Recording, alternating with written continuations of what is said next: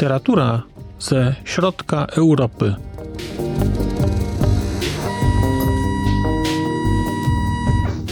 Podcast około książkowy.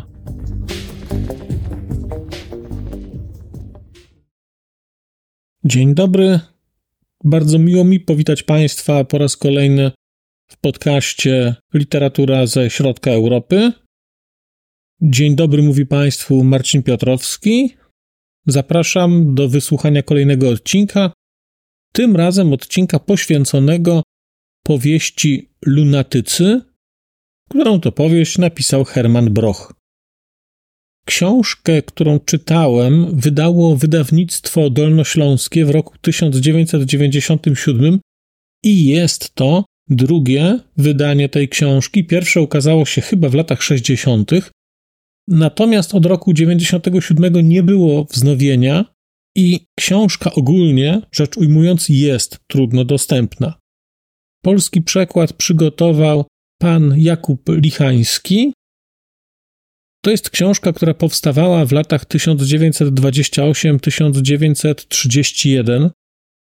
Pisał ją w Wiedniu i Austriak w Wiedniu napisał książkę o Niemczech, Książka jest monumentalna. To jest powieść, a właściwie kilka powieści, ale sama książka, sama, sam tom Lunatycy to jest 850 stron. Zwróciłbym też uwagę przy tej okazji na to, że ta książka wydana prawie 30 lat temu jest pięknie zredagowana. Na tych 850 stronach nie pamiętam, żebym znalazł chociaż jedną literówkę, to jest niesamowita rzecz i chylę czoła przed pracą, którą wykonali tutaj redaktorzy i korektorzy tego wydania. No ale porozmawiajmy chwilę o książce. Lunatycy trafili do mnie jako jedna z książek, które pojawiają się w ramach rekomendowanych lektur dla książek z języka niemieckiego, lektur, które pojawiają się jako rekomendacje w książce Thomasa Bernharda Wymazywanie rozpad. No i ja się tymi lunatykami zaskoczyłem, bo to było takie sążniste dzieło. Zostawiłem je sobie na koniec tego miesiąca i teraz widzę, że chyba bardzo dobrze zrobiłem, bo gdybym przeczytał tę książkę na początku, no to myślę, że byłoby mi trudno czytać inne książki, a może nie czytać, ale trudno byłoby mi je jakkolwiek pozytywnie oceniać. Nie dlatego, że miałbym im coś do zarzucenia, tylko w zestawieniu z książką, która jest w mojej opinii jedną chyba z najlepszych książek, jakie w ogóle czytałem. To wszystko wypada blado, więc dobrze, że ta powieść u mnie ten miesiąc zakończyła i że będę miał gdzieś tam trochę resetu, zanim zacznę czytać inne rzeczy z Austrii, bo to jest poprzeczka ustawiona teraz bardzo wysoko. Lunatycy to jest książka, która składa się z trzech części. Zwracam uwagę, że mówię książka, bo jest to powieść, ale jest to powieść, która składa się z trzech osobnych powieści. Można byłoby te powieści czytać jako zamknięte całości, dlatego że każda z tych mikropowieści, chociaż trudno mówić o mikropowieściach, bo to są regularne powieści, ale każda z tych powieści stanowi pewną całość. Jednocześnie poprzez bohaterów, którzy te powieści łączą, wszystkie te części składają się na jedno wielkie dzieło, na lunatyków, których wybitność mnie poraziła. W lunatykach Broch opisuje upadek cywilizacji niemieckojęzycznej, konkretnie upadek cywilizacji niemieckiej. Historia, która zaczyna się w roku 1888, czyli pierwsza część, historia kończy się w roku 1918, czyli tak naprawdę mamy okres właściwie cesarstwa niemieckiego, bo chwilę wcześniej ono powstało, ale 1888-1918 w tym czasie widzimy, jak coś powstało i jak upadło. Każda z części ma jednego głównego bohatera i jest historią jednego głównego bohatera. W części pierwszej Jest to von Passenow. Ta pierwsza część, ta pierwsza powieść jest opowieścią o pruskim wojskowym. Druga historia z roku 1903 jest opowieścią o panu Eszu, który jest buchalterem i dzieje się też w środkowych Niemczech. A część trzecia z roku 1918 jest opowieścią o no, Francuzie, Niemcu, Alzatczyku, o panu Huguenot i jest powieścią najobszerniejszą z całej tej trójki. Te trzy powieści są bardzo różne. W ogóle, kiedy myślę sobie o lunatykach, to mam ogromną trudność w oddzieleniu tego, o czym jest ta książka, od tego, jak jest napisana. Bo każda z tych powieści napisana jest inaczej. Każda z tych powieści napisana jest zupełnie inaczej, a część trzecia, czyli Huguenot, jest, no, mam wrażenie, że eksperymentem formalnym, arcydziełem to jest książka, czy powieść właściwie, to jest powieść, w której jest mnóstwo na poziomie formalnym rozwiązań zastosowanych, ale za chwilę do tego przejdę. Na czym polega wielkość tej książki? Moim zdaniem na tym, że jak mało która książka ona pokazuje upadek świata, pokazuje go w sposób dosłowny na końcu, ale jednocześnie pokazuje elementy, które na ten upadek się składają. Najpierw radykalny konserwatyzm i takie życie, nazwijmy to w świecie tak zwanego honoru, i to jest ta część pierwsza. I von Passenow, który w tej części jest głównym bohaterem, jest nosicielem czegoś, co później przekształci się, czy na bazie czego powstanie w Niemczech radykalnie konserwatywny sposób myślenia. Sposób myślenia, który będzie przyczynkiem do powstania nazizmu.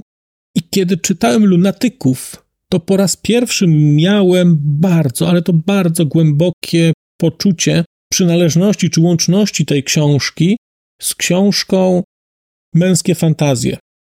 Monumentalnym dziełem powstałym pod koniec lat 70. i na początku 80. XX wieku, opisujących kulturę niemiecką wilhelmińską jako proces pewnego rodzaju zawłaszczania myślenia o kobietach przez grupę mężczyzn, jako proces psychoanalitycznego podejścia do tego, czym jest konserwatyzm.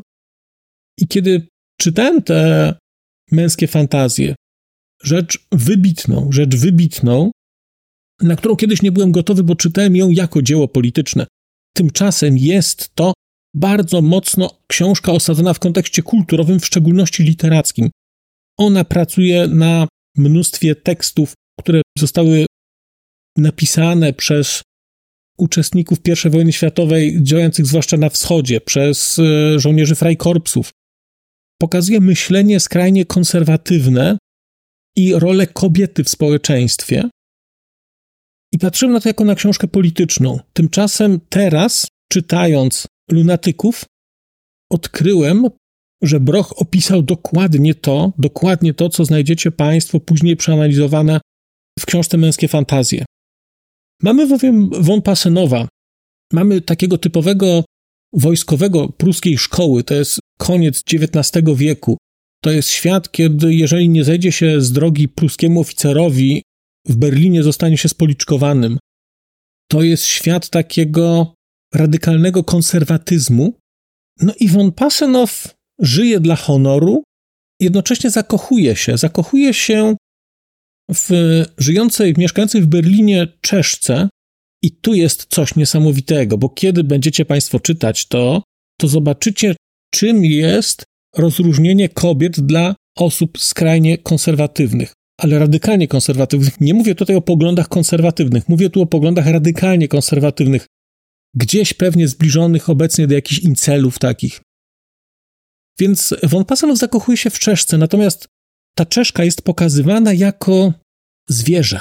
Jest opisywana jako jakieś diablątko, jest y, czarna, jest kędzierzawa, jest właściwie zarośnięta, posługuje się niepoprawnym językiem niemieckim, posługuje się takim, takim łamanym niemieckim. Kali zabić krowę, Kali lubić coś. Ona tak mówi. Jednocześnie kocha Von Passenowa. Von Passenow chyba także kocha ją.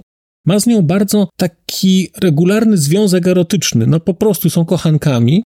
Jednocześnie von Passenow czuje, że ona jest jakaś brudna i ona, jak będziecie Państwo to czytać, to jest niesamowicie oddane, bo to widać po prostu takie jego z jednej strony pragnienie i chęć i pociąg, z drugiej strony przekonanie, że ona jest nieczysta.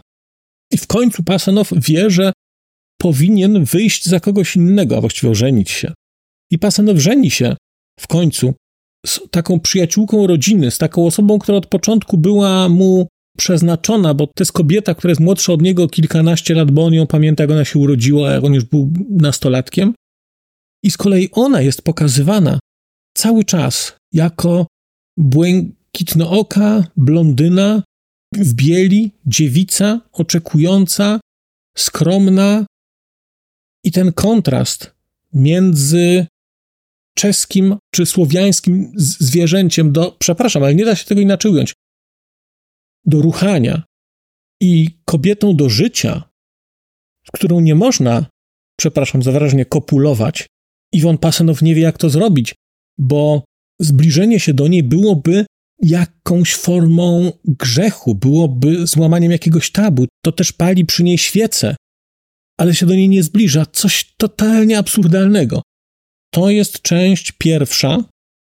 Część druga to jest opowieść o buchalterze, który w okresie bardzo mocno rewolucyjnym, takiego wpływu socjalizmu, anarchizmu w, w Niemczech funkcjonuje, gdzieś się zaplątuje w jakieś historie polityczne, i tutaj też jest pokazany wątek dziwnej erotyki, bo ten von Passenow pożąda kobiety, która jest od niego znacząco starsza i która jest określana przez wszystkich jako mateczka, co się wydarza później, to nie opowiem Państwu.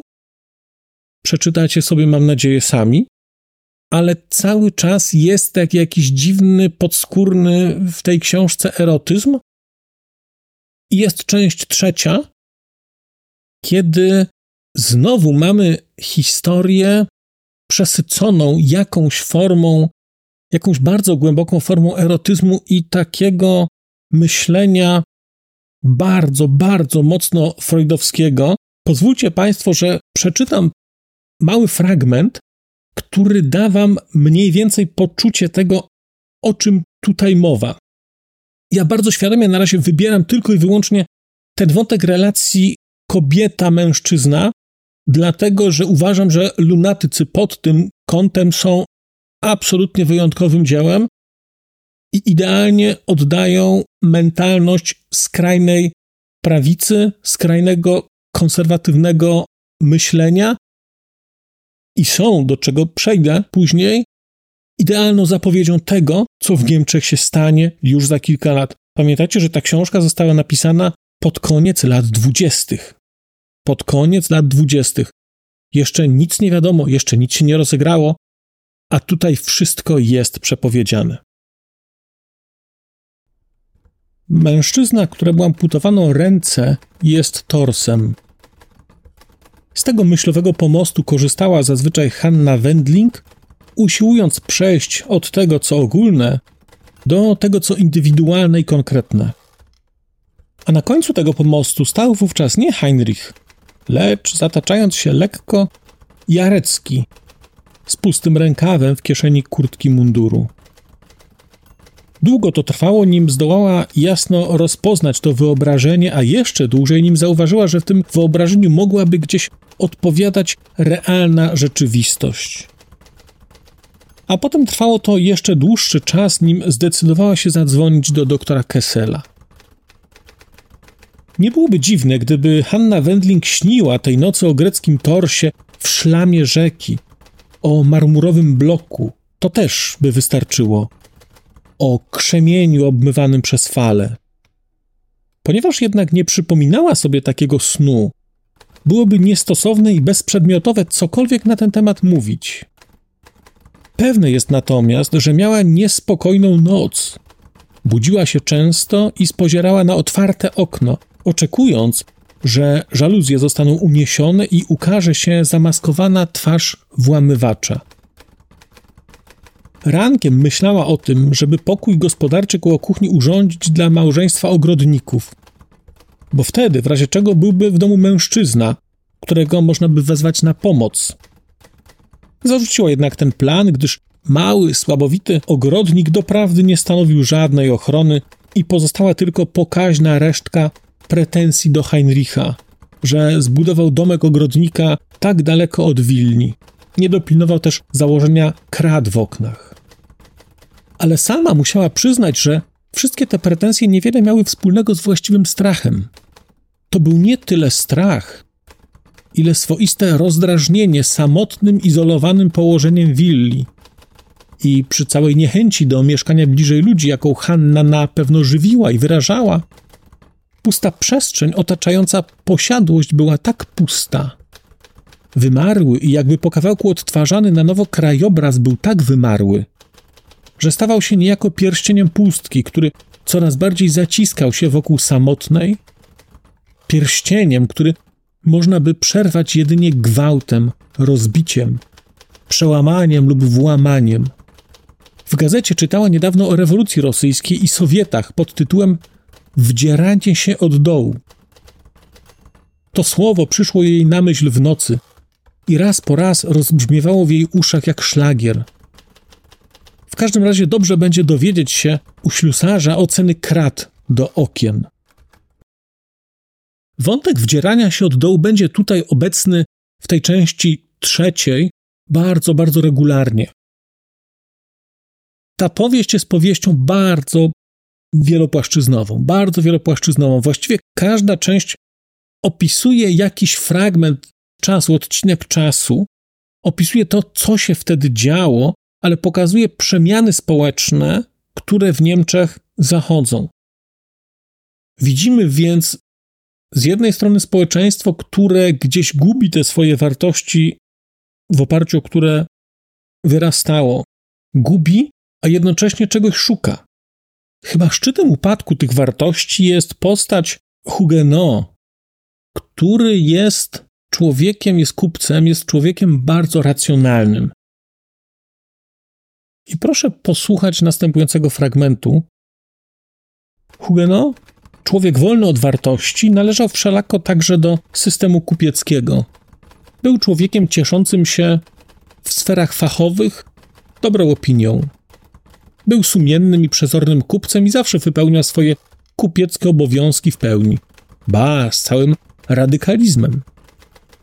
To, że zabił, nie wchodziło co prawda w zakres kupieckich obowiązków, ale i nie sprzeciwiało się kupieckim zwyczajom. Był to swego rodzaju czyn wakacyjny, popełniony w czasie, w którym również kupiecki system wartości był uchylony i pozostawał jedynie indywidualny.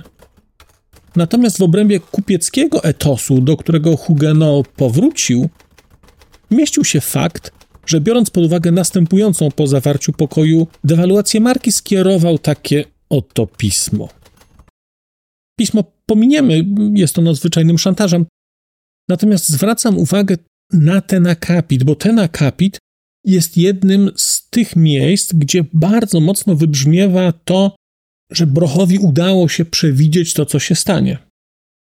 Opowieść o Huguenot i o tym, że był dobrym kupcem i że zawiesił, uchylił na pewien okres kupieckie zwyczaje i etykę, jest opowieścią o tym, co stanie się w Niemczech już za kilka lat kiedy pewne rzeczy zostaną uchylone, a kiedy w 1945 roku ludzie powrócą do życia, ockną się ze snu i będą zastanawiać się, co się wydarzyło przez minione 12 lat.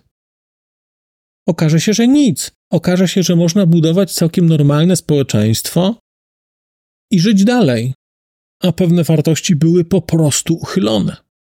Ta książka jest porażająca, porażająca w tym, jak opisuje społeczeństwo niemieckie i opisuje to, co się wydarzy. Geniusz tej książki polega także na formie. Każda z tych trzech głównych powieści jest napisana w innym stylu. Jest więc tutaj klasyczna powieść nazwijmy to pozytywistyczna, jest coś, co w krytyce znalazłem jako opisanie pewnego rodzaju stylu prustowskiego. I to jest ta część druga, która jest taka, powiedziałbym, najbardziej płynąca, najbardziej przepływająca, pokazująca pewne wahania, w której czas faluje. No i jest część trzecia, która jest napisana zupełnie inaczej. Dlatego, że na część trzecią składa się 88 rozdziałów. To są rozdziały, które są niedługie, one mają od 3 do 5 stron. I mamy tam w ramach tej części trzeciej, czyli opowieści o Huguenot, mamy opowieść Huguenot, mamy opowieść ze szpitala wojskowego z Lazaretu, mamy na dodatek traktat filozoficzny w częściach. To wszystko jest poszatkowane. To nie jest tak, że będą Państwo czytać to ciągiem. To będą rozdziały, które będą na przykład fragmentem traktatu filozoficznego dotyczącego etyki, estetyki, ontologii, historiozofii. Coś niesamowitego. To będzie wszystko przeplatane, to będzie wszystko dostosowane. Mamy historię kobiety, która służy w Berlinie w Armii Zbawienia. I ta historia z jednej strony jest historią kobiety, natomiast ona w którymś momencie zaczyna być poematem, jest pisana jak poemat. Mamy fragmenty wierszy. Mamy w tej części trzeciej listy. Mamy zabawy narracją, mamy różnych narratorów. Odkrywanie tej książki i tych kolejnych warstw, kiedy się to czyta, jest niesamowitą przyjemnością. Jednocześnie ta książka w swoim opisie świata jest zimna i twarda. Nie potrafię tego inaczej ująć, ale kiedy porównuję sobie bardzo podobny okres przedstawiony przez e, Thomasa Mana, to Mann opisuje świat maznięciami pędzla. To są pociągnięcia pędzla, to jest miękkie. To, co mamy u Brocha, to wygląda jak świat narysowany jakąś ekspresjonistyczną kreską. To jest bardzo wiernie oddające rzeczywistość, ale jednocześnie aż za ostre, aż momentami bolesne. Niesamowita formalnie rzecz. Absolutnie niesamowita. Nie wiem, dlaczego ta książka nie jest wznawiana. Nie wiem, dlaczego się o tej książce nie mówi, bo to jest książka, o której, no nie wiem, ile osób wie. Powiedziałbym, że jest to dzieło doskonałe. To jest rodzaj takiej literatury, która skłania człowieka do najgłębszej refleksji. U mnie ta najgłębsza refleksja przejawia się w tym, że co jakiś czas muszę przestawać czytać książkę. Nie jestem w stanie pewnych rzeczy akceptować tak od razu, bo one niosą w sobie tyle wartości, że ja nie jestem w stanie tego przyjąć. Podobną sytuację miałem w przypadku książki Zrozumieć komiks, tylko Zrozumieć komiks opowiadało o nowej rzeczy, o sposobie narracji. Tam nie było w ogóle kwestii etycznej. To było po prostu pokazanie nowego sposobu pojmowania świata, unaocznienie mi czegoś. I też musiałem tę książkę odkładać, bo stawałem w obliczu geniuszu. A tutaj, w przypadku Brocha, stawałem w obliczu absolutu. I wątki etyczne, które się w tej książce pojawiają, wątki dotyczące upadku cywilizacji, wątki estetyczne, to po prostu popychało mnie w takim kierunku, że musiałem tę książkę odkładać co jakiś czas, nie na dni, ale na, na chociażby godziny czy minuty, po to, żeby wstać i się przejść i odparować i żeby przeczytać jeszcze raz pewne fragmenty, bo były porażające, a jednocześnie były piękne. I w szczególności część trzecia jest już całkowitym arcydziełem i jest rzeczywiście pokazaniem tego nowego czasu, nowego wieku. Jeden z bohaterów w tej części, żołnierz, który wychodzi ze szpitala, stracił rękę, jest już alkoholikiem i mówi taką rzecz, że właściwie jesteśmy w tej chwili sierotami. Czekamy tylko na jedną osobę, czekamy tylko na jedną osobę, ktokolwiek to przyjdzie i my za tą osobą podążymy, bo, bo my nie mamy sensu życia w tej chwili, ale chętnie go znajdziemy. 1928 rok. Za kilka lat taka osoba się w Niemczech pojawi i da im ten sens. Ale to jest tutaj. Książka napisana 10 lat po zakończeniu wojny, czyli w miarę świeżo jeszcze. To jest taka pierwsza refleksja, która się u Brocha odłożyła. Coś niesamowitego. Bardzo, bardzo Państwu tę książkę polecam. Wpiszcie ją na wszelkie swoje listy czytelnicze, bo to jest, wydaje mi się, jedna z najważniejszych książek pewnie XX wieku. Ilość formalnych eksperymentów jednocześnie nieprzegiętych. Jednocześnie to nie jest książka, której, której skala tego, co tu się wydarza na poziomie formalnym, przeraża czy przytłacza. Nie, ta książka nie jest przytłaczająca. Jednocześnie jest wymagająca i obciążająca mentalnie, ale nie jest trudna. Wbrew pozorom ona nie jest trudna i nie wiem dlaczego ona nie jest popularna. To mnie fascynuje. Fascynuje mnie popularność na przykład Czarodziejskiej Góry. To jest ta sama skala. A tych lunatyków nikt nie zna praktycznie. Pewnie poza ludźmi, którzy się specjalizują w tym okresie w literaturze austriackiej czy niemieckojęzycznej. Ja Państwu tę książkę bardzo, bardzo mocno polecam.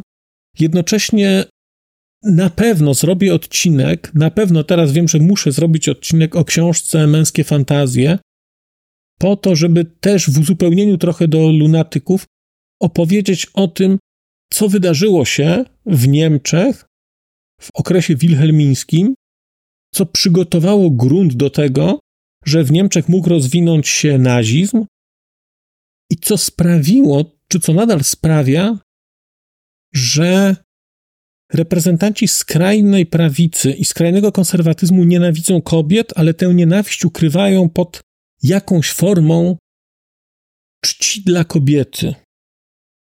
To są wszystko rzeczy, które wybrzmiewają w książce Męskie Fantazje, natomiast ja tamtą książkę czytałem kilka lat temu.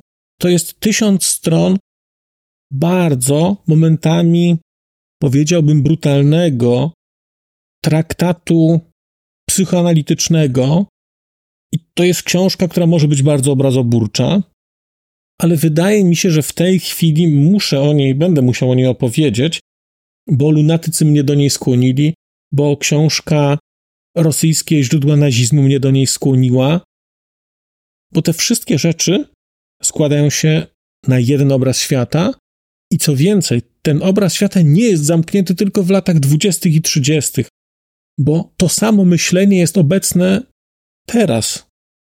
I wcale nie trzeba być faszystą, żeby nienawidzić kobiet i żeby starać się pod pozorem pielęgnowania wartości niszczyć te kobiety. I dlatego niewątpliwie książka Męskie Fantazje u mnie się pojawi, a bezpośrednim powodem była książka Hermana Brocha Lunatycy.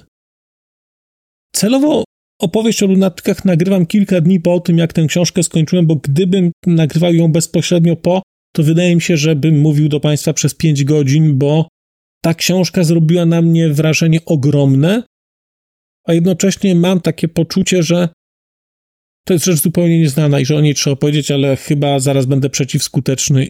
Im więcej będę mówił, tym mniej Państwo chętnie po tę książkę sięgniecie, więc tylko mówię. Herman Broch, Lunatycy. Słów brak, żeby wyrazić geniusz. Polecam Państwu bardzo tę książkę. A polecając książkę, polecam słuchanie także innych odcinków podcastu. Ja powrócę do Państwa wkrótce. Tymczasem mówię do usłyszenia.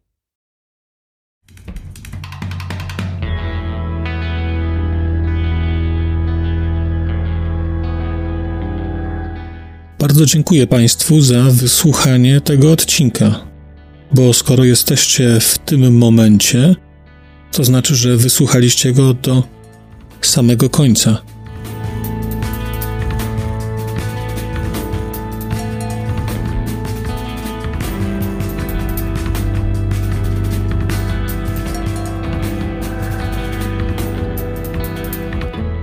Słuchaczy platform podcastowych chciałem zaprosić na kanał na YouTubie, gdzie znajdziecie Państwo te same treści, ale dzięki modułowi komentarzy będziecie mogli wejść w interakcję z innymi słuchaczami tego podcastu i dzielić się swoimi spostrzeżeniami dotyczącymi książek, ale nie tylko.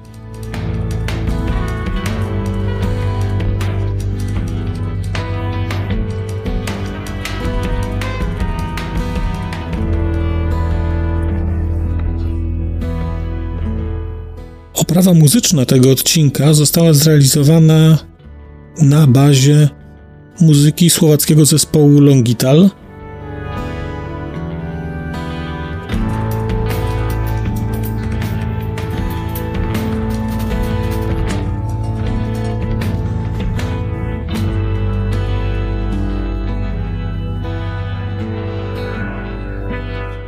Longital to Wspaniała słowacka grupa, której muzyka jest dla mnie kwintesencją nowoczesnego brzmienia Europy Środkowej. Bardzo Państwa zachęcam do posłuchania tego zespołu i chciałem podziękować Shinie i Danielowi, że zgodzili się na wykorzystanie ich muzyki w moim podcaście.